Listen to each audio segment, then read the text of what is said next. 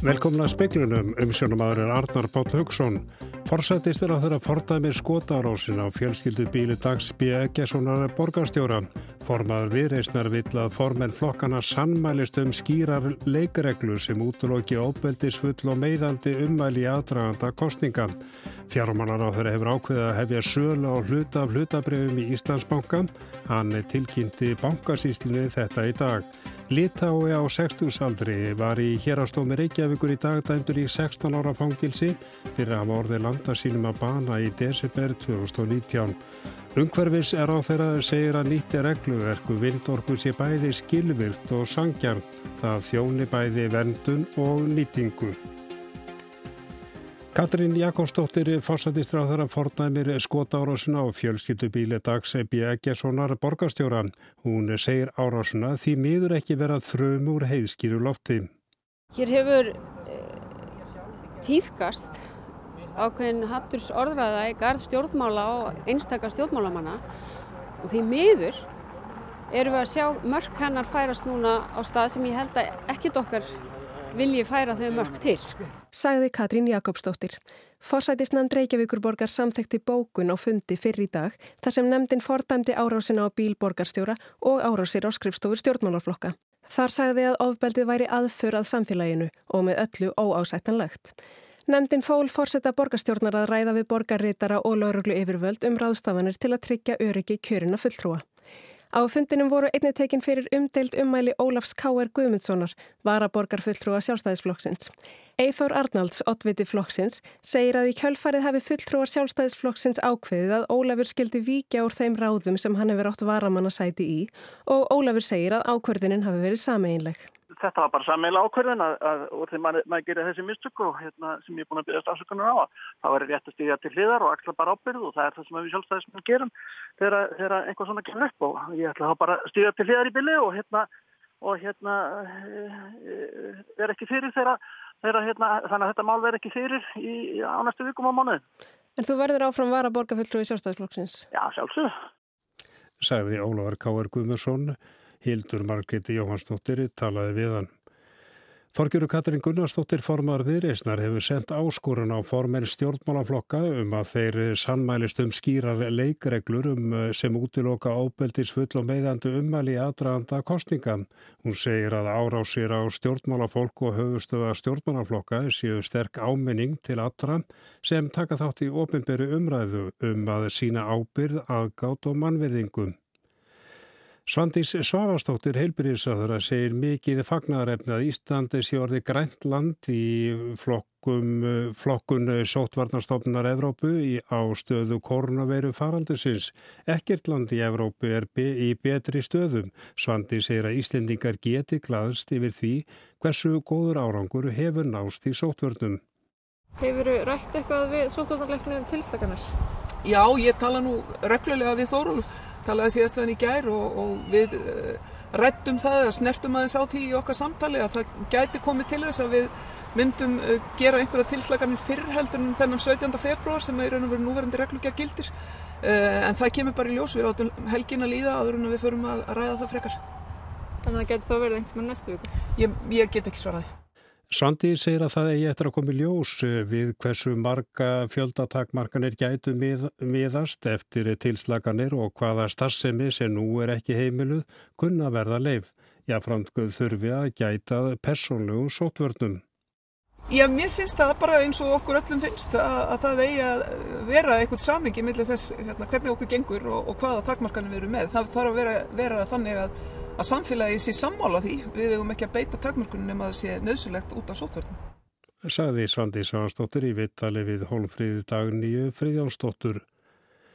Fjármálar á þeirra hefur ákveðið að hefja söl á hluta hlutabröfum í Íslandsbanka. Hann sendi bankarsýslu ríkisins bref þess etnis í dag. Hann fól henni að tryggja að útfæsla útbóðsins er því samræmi við ábendingar sem stjórnamerluhutin í tveimur þingnefndum kom með við vinslu málsins. Þar á meðal er hveð áum að ákveði lámark og hámark í útbóðinum svo sem að seldverði á bylunu 25 til 35% hlutafjár í bankanum og að engin megi eignast meir en 2,5 til 3% af heildar hlutafið bankans í útbóðunum.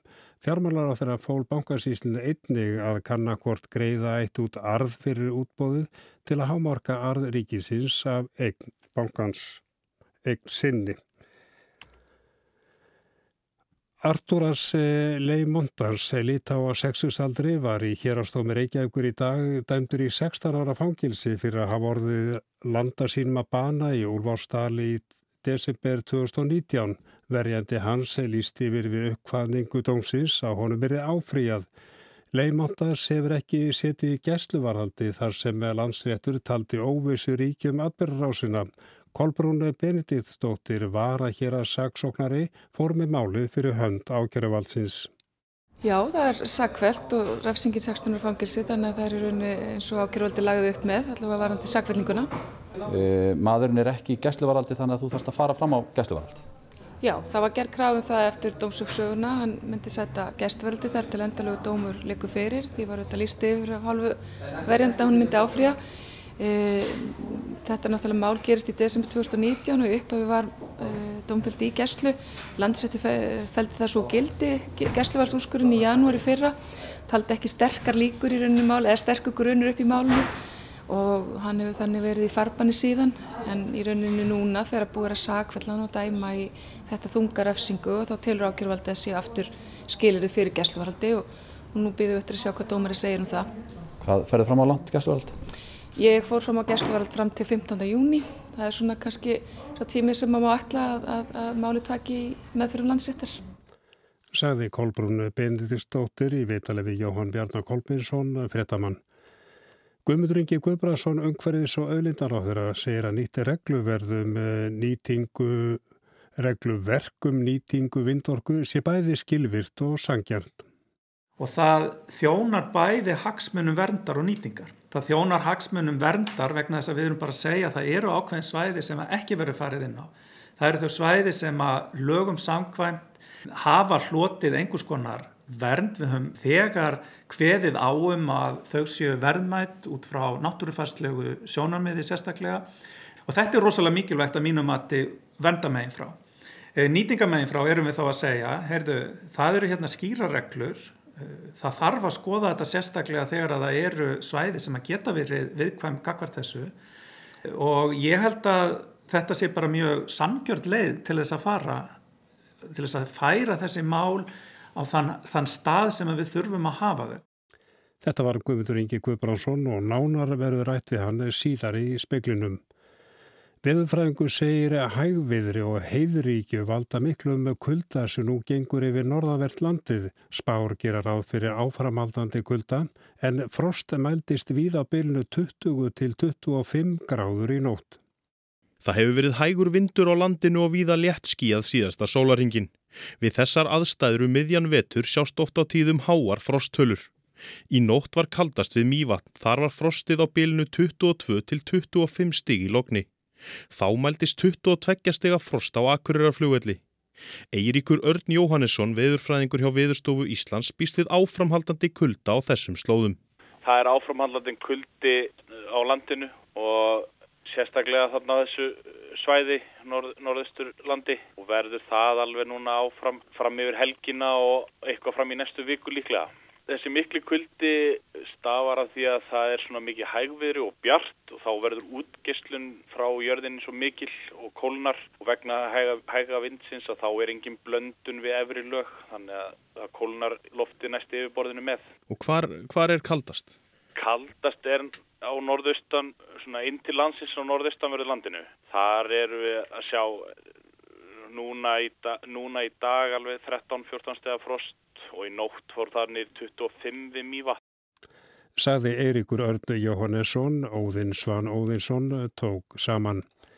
Þísk yfirvöldu tilkynnt í dag að ferði til Þískalands frá Breitlandi, Portugal og Írlandi eruðu nær alveg bannaðar frá morgundeginum til 17. februar. Farþegar frá Suður Afríku og Brasilíu komast heldur ekki til landsins. Með lókunni vilja stjórnveld afstýra því að nýja og bráð smitandi afbreyði koronavirunar berist inn í landið. Þeir sem búa í Þýskalandi starfa við farþeg og vöruflutninga eða ferðast af sérstökum heilsufass ástæðum eru undanþegnir ferðabanninu. Guðmundur Ingi Guðbararsson, umhverjir sér á þeirra, segir að regluverk um vindmilur sem að kynntuðu verið sé bæði skilvirt og sangjant. Það þjóni bæði verndun og nýtingum. En hvers vegna þarf að setja sérstakar reglur um vindorkuna? Það er mikilvægt vegna þess að hún er kannski margt sérstök og hún er svona aðeins annars konar heldur en þegar við horfum á jarvarmann og, og vassaflið. Hún er ekki staðbundin, allavega ekki á Íslandi, hér, hér blæs nú víðast hvar bara já, freka mikið yfirleitt. Þannig að þess vegna teljum við að það sé mikilvægt að búa til sérstaklega málsmeðferð fyrir vindorkuna. Í dag er þetta þannig að vindorkan heyrir undir lögum rammáallun líkt og jarðvermin og, og uh, vassaflið. En það sem við erum í raunin að teikna upp hérna er að skipta landin upp í þrjá hluta Það er sagt, svæði sem að falla í flokk 1 og það eru þá svæði þar sem ekki kemur til greina að setja niður vindorkuver. Þetta eru eins og þjóðgarðarnar okkar, fríðlistu svæðin, vassverndarsvæði, eh, svæði og heimsminjaskrá UNESCO og svo framvegis. Já, síðan eru það svæði sem að falla þá í uh, flokk 2 og það eru svæði sem að eru á einhvern hátt geta verið viðkvæm uh, gagvart vindorkunýtingu. Við erum til dæmis þá að horfa til þess að það sé einhver ákveðin svona jaðarsvæði, frílistra svæða, um, svæði sem að njóta sérstakra vendar, eh, samkvæmt náttúruvendarlögum og fleiri svæði sem að ástæða þykir til að, að skoða sérstaklega hvort að vindorka muni hafa óásættanlega neikvæð umhverfisáhrif. Og síðan er það þriðiflokkurinn sem eru þá uh, svæði þar sem að þessar takmarkanir eiga ekki við og viðkomandi vindorku uh, kostur myndi þá bara fara til umfjölduna sveitastjórnar og náttúrulega þarf að sæta þá þeim lögum sem að, sem að almennt gilda um leifisveitingar, skipulagsmál og mat á umhverjusáhrifin. Þessi er skipti þrjúsvæði eins og þú lýs, lýsir eh, en þriðjarsvæði það verðist vera rýrt í róðunum þar sem auðveldasta leiðin er Eh, er verið að þrengja að eh, já, þeim sem að hafa huga á að reysa hér vindmilur? Nei, ég myndi ekki segja það vegna þess að eins og regluverkið er í dag að þá er alveg sama hvar á landinu þú ert þá þartu að fara með uh, vindorku veru eins og þessi fyrir uh, verkefni stjórn ramáallunar. En við erum að breyta því núna þannig að við erum í fyrsta lega að segja Eh, það þarf ekki að í rauninni eigða tíma sínum í þau svæði sem eru í fyrsta flokknu, þau eru bara, þau eru bara rauð, þau eru útilokkuð uh, og þau svæði sem að koma þá til skoðunar eru þau svæði sem að eru í þessum öðrum flokki en þriðji flokkurinn það er í rauninni þá sagt, önnur nýjungana í þessu þar sem ekki þarf að fara í gegnum rammaáallun og annar flokkurinn þar sem þú þarfst að fara í gegnum rammaáallun þar eru við einfalda málsmeðferðina. Þar að segja við erum að gera ráð fyrir því að e, málsmeðferðin snúist um það að viðkomandi fyrirtæki beri sinn kost undir verkefnistjórnur á máallunar sem að tekur ákvörðun á grundvelli viðmiða e, sendir þá ákvörðun til ráþera sem að tekur síðan afstöðu til þess. Og þá erum við að tala um að breytingin er svo að þetta fer ekki lengur fyrir þingið heldur horfir þetta á viðmið sem að þá hafa fengið samþykju og umfjöllun þingsins og það eru þau viðmið sem að verkefnistjórnin þá miðar við þegar hún tekur sínar ákvarðanir. Og þannig léttum við og einföldum í rauninni málsmeðferðina fyrir þessi svæði sem að um, eru í þessum öðrum flokki. Og náttúrulega líka þriðja flokki því að það fer bara beint til sveitastjórnana svæðið tvö að það fer fyrir verkefni stjórnuna. Já, hvað gerir verkefni stjórnuna og hvað er áallega að það takir langan tíma fyrir hana að taka fyrir tiltekin verkefni að nú þarf hún ekki að sapna í sarpin og leggja allan pakkan fyrir. Hún getur tekið eitt og eitt verkefni vantilega fyrir og aðfendt þér niðurstöðuna. Hvað á þetta að taka langan tíma? Já, þetta er akkurat Þetta er akkurat í þessu fælst skilvirknin eða aukin skilvirkni að þetta er miklu styrtir í tími sem þetta ætti að taka. Í fyrsta lagi getur við komandi framkvæmdaraði lagt fram eina og eina hugmynd að, að vindorku veri uh, og verkefnistjórnir tekur þetta þá til, til umfjöllunar og svo fer það til ráð þeirra. Þannig að við erum að tala um miklu styrtir í tíma í þá einhverjum fáinum mánuðum sem við erum að, að tala um í staðin fyrir að þetta geti tekið í rauninni já, miklu lengri tíma, kannski jafnvel þrjú-fjögur ár, þess að staðin er í dag. Það er ekki setnin tímamörk, það talað bara um einhverja nokkura mánuði.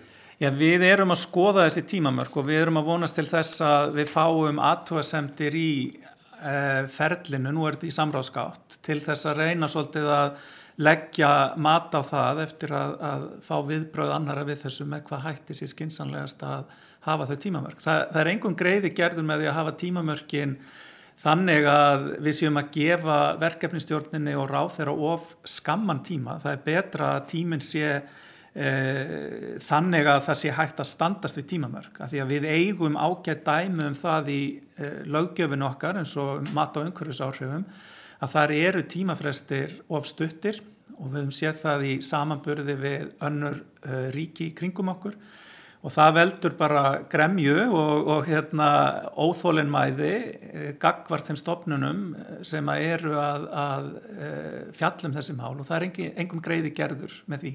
Talar um að þetta sé einfalda og vissulega er það rétt hjá þér, finnst þetta fer ekki í gegnum alla maskinuna og fyrir alþingi. En er þetta að segja að þú fáir þarna skindilega, já það séu völd að þú getur hafnað ef að verkefnisjónin kemst þeirri niðurstöð að þetta sé lagi að þá getur þú hafnað e, þeirri skoðun verkefnistjórnar. Já, ráð þeirra hverju sinni getur gert það um, og þetta er náttúrulega gert þannig að, að sko ákverðunin verður að vera uh, stjórnvaldsins. Uh, verkefnistjórnin leggur þessa tillögu og þá ber ráð þeirra náttúrulega lögum samkvæmt að fara yfir hana uh, og, og, og meta hvort að þarna hafi verið komist að niðurstöðu sem að, að ráð þeirra telur þá vera í samræmi við lög og í samræmi við þau viðmið sem að um er að ræða. Nú komi það upp að ráð þeirra í rauninni taki ákverðin þvert á tillögu verkefnistjórnar að þá gefst uh, framkvæmdar aðilunum í rauninni tækifæri til þess að uh, bregðast við þeim aðtóðasendum sem að framkoma þá af hálfur á þeirra og getur þá farið aftur með þetta fyrir verkefnistjórnina nú eða farið fram á það að þetta fari inn í ramma áallunar ferlið eins og við þekkjum það í dag og láti reyna á uh, að setja það þá í gegnum þá maskínu þannig að það endi inni í þinginu. E, vindorkan e, er ótakmörkuð öðlind eða svo má orðið komast og, og það var e, svona til að byrja með finnst manni litið á vindorku sem mjög ja, umhverfis vænan kost er það eitthvað litið að breytast?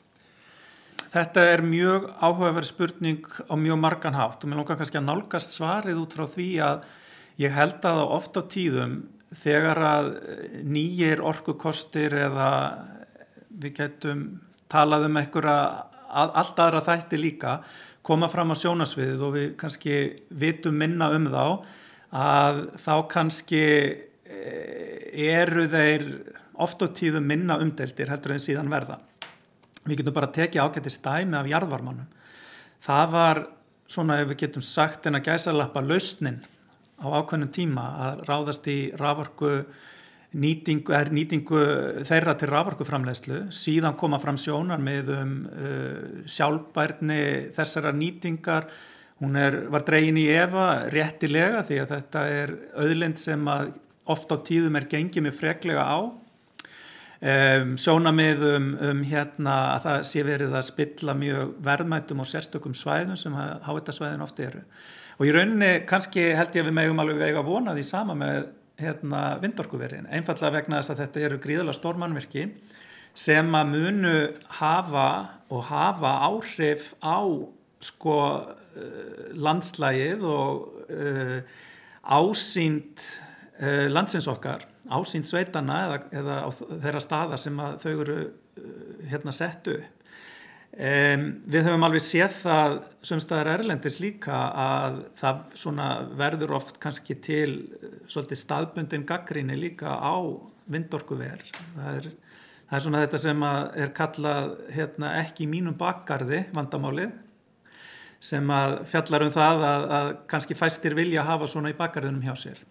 Þannig að ég held að það sem að við erum að gera núna er að búa til Eh, regluverk sem er sangjar, það er skilvirt og það þjónar bæði hagsmunum verndar og nýtingar. Það þjónar hagsmunum verndar vegna þess að við erum bara að segja að það eru ákveðin svæði sem ekki verður farið inn á. Það eru þau svæði sem að lögum samkvæmt um, hafa hlotið einhvers konar vernd. Við höfum, við höfum þegar hveðið áum að þau séu verðmætt út frá náttúrufarslegu sjónarmiði sérstaklega. Nú eða eh, hafa á sér eh, eða eh, eru með alþjóðlegan stimpil eins og ef að þau heyra undir heimsminjaskrá UNESCO eða, eða eru ramsarsvæði eða annars líkt. Og þetta er rosalega mikilvægt að mínum að þið venda meginn frá. Eh, nýtingameginn frá erum við þá að segja, heyrðu, það eru hérna skýrareglur, það þarf að skoða þetta sérstaklega þegar að það eru svæði sem að geta verið viðkvæm gagvart þessu. Og ég held að þetta sé bara mjög samgjörd leið til þess að fara til þess að færa þessi mál á þann, þann stað sem við þurfum að hafa þau. Og ég bind líka vonir við það að eh, aukin nýting vindorkunar hérna á Íslandi geti mögulega þá kannski dreyið úr þrýstingi á að ráðast inn á svæði sem eru mjög viðkvæm í jarðvarma eða vassafli eh, og margir félaga mínir í náttúruvendarhefingunni og í, í minni hefingu vinstri grænum hafa barist fyrir vernd slíkra svæða. Þannig að ég bind miklar vonir við að við séum að gera góða hluti hérna. En sér þú fyrir að vindorkan eigi eftir að verða já, vaksand og öflugur orkukostur á Íslandi í nánustu framtíð?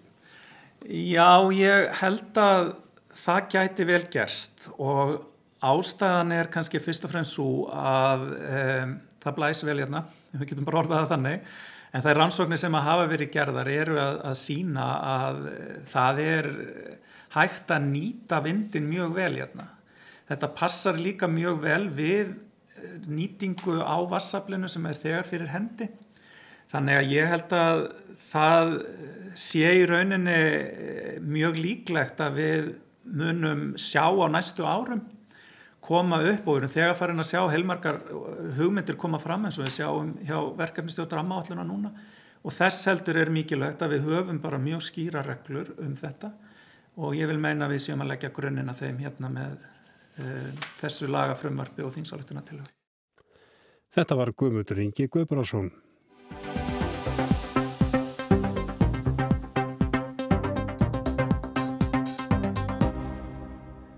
Ef litið er yfir sögu mannfjöld á Íslandi kemur glögt í ljós að síðan á tímum vesturferðana hefur brottlutningur fólks frá Íslandi verið ráðvið remmingum og atunleysi heimafyrir.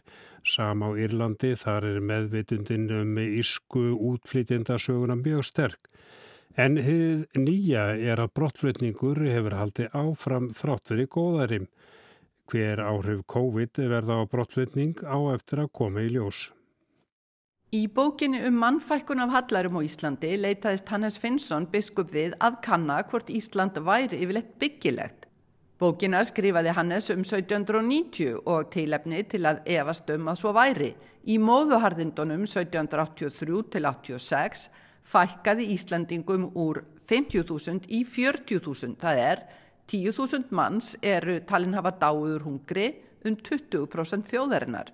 Álíktun Hannesar var Ísland fær tíðum hallæri en ekkert landi í norður álfunni er svo fljótt að fjölga á ný manneskum og bústofni sem það og er því eigi óbyggjandi.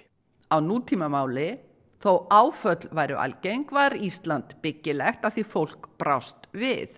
Þegar leið á 19. öldina bættist eitt ráð við enn í fullu gildi að flytja úr landi þanga sem betri kostir bjóðast. Vesturferðir Íslandinga á 19. öldinni og fram á þá 20 voru leitað betra lífi í Bandaríkjónum, Kanada og allarleið til Brasilju. Á árunum 1882 til 1914 fluttu um 16.000 manns, ríflega 20% þjóðarnar, miða við mannfjöldan um 1880. Eftir hrun síldarstoppsins og verðlækkanir á erlendum mörguðum 1967 og 68 á meðfylgjandi atunleysi fóru Íslandingar að flytja burtu um 1970 mest til Svíþjóðar en líka alla leðina til Ástralíu. Eftir samdrátt og atunleysi í upphafi tíund áratugsins fluttu margir Íslandingar og íslenskum sjávarplásum settust til dæmis að í dönsku sjávarplási Hanstholm. Á þessum tíma var áberandi að já, það var samhengi millir atvinnuleysis og brottflutnings en brottflutningurinn varð ekki fyrir en um tveimur árum eftir hrammingarnar. Annað í bankarhununu 2008 þegar brottflutningur fólks varð strax merkjanlegur árið eftir endur speiklar breyttar aðstæður mun auðveldara að flytja. Um miðjan tíund áratugin kemur ný breyta í dæmið. Útlendingar fara að setja stað á Íslandi í mun meira mæli en áður. Nú eru um 14% íbú á Íslandi af erlendum uppruna. Árið 1995 fluttu um 1600 fleiri Íslandingar frá landinu en til ofunni mikill munur. Síðan þá og fram til 2018 hefur þessi tala aðeins verið fjögur ári pluss, reglan því almennt að fleiri Íslandingar flytja heiman en heim. Eftir að samdráttur hrunsins var allur 2011 tók við góðæri sem síndi þá nýja þróun. Þrátt fyrir hagvöxt og næga vinnu fóru áfram fleiri Íslandingar utan en heim. Ofsnemt að segja hvort þetta sé ný þróun, nú kannski fleiri en atvinna sem hefur áhrif á löngun fólks að flytja Erlendis. Reyndar verðt að hafa í huga að almennt hafa 70% þeirra Íslandinga sem flytja af landi brott snúið aftur innan 8 ára. Í um 150 ár hafa Íslandingar brugðist við innanlands erfileikum með því að flytja af landibrott. Brottflutningur verulegur liður í þjóðarsögunni en samt ekki mjög sterk vitund á Íslandi um þessa brottflutningssögu. Anna með nágrann okkar Íra þar sem útflytjandasagan er þjóðar tráma. Þeirra móðuharðindi voru hungursniðin mikla á 19. öldinni 1845 til 52 þegar 1 miljón Íra léstur hungri og um 1,5 miljón fluttur landi. Írar voru 8 miljónir í upphafi hungursneðarinnar, fækkaði því um 20-25%. Árið 1881 var fjörðungur bresku borgarinnar Liverpool af írskum uppruna. Og þannig hefur þetta haldið áfram. Írar flutt eftir atvinnu engum til enskumælandi landa, Breitlands, Bandaríkjan og Ástralíu, en líka haldið áfram að flytja undanfarið líkt og Íslandingar þrátt fyrir góðæri. Meðvutundin um útflytjandasöguna heyrist í írskum ballöðum alveg frá 19. öld og fram í samtímans. Til dæmis í lægi Wolftóns frá 8. áratögnum, jú, Írar í útlöndum sakna Ginnarsbjórsins og regningarnar, en þeir fara eins og feðurnir. Þá allavega ekkert atunuleysi meðal ungra Íra heima.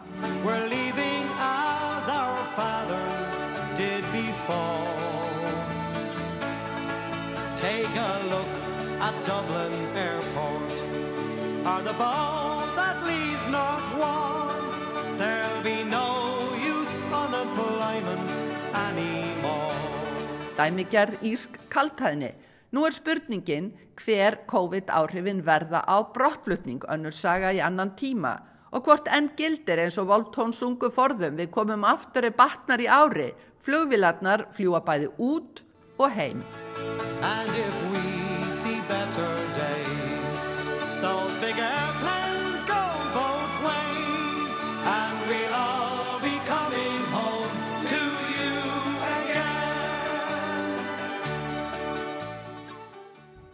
Og það var eh, Sigrun Davidsdóttir sem tók þennan pistil saman. En kíkjum aðeins til veðurs, eh, norrlega 8-5 til 13 á morgun en hægar á Norrlandi setnipartin, lítir sáttar jél á víð og dreif en þurftakalla Vestarlands. Frosti víðabilnuð 3 til 13 stig en kaldar á stöku stað. En sögum mellans frá því í speiklunum að forsættist þar á þeirra fordæmir skotára á fjölskyldubíl Dagsby Eggersona borgarstjóra. Hún segir árásuna að því miður ekki vera þröm úr heiðskýru lofti. Formaður viðreysnar villað formenni stjórnmálaflokkana sammælist um skýra le leikreglur sem útilóki ofbildis full og meðandi umæli að dranda kostninga og fjármálar á þeirra hefur ákveðið að hefja söl á hluta af hlutabrefum í Íslandsbanka. Hann tilkynnti bankasýslinni þetta í dag. En það er ekki fleira í speklumni kvöldi. Tæknimaður var Magnús Þóstedt Magnússon. Verið sæl og góða helgi.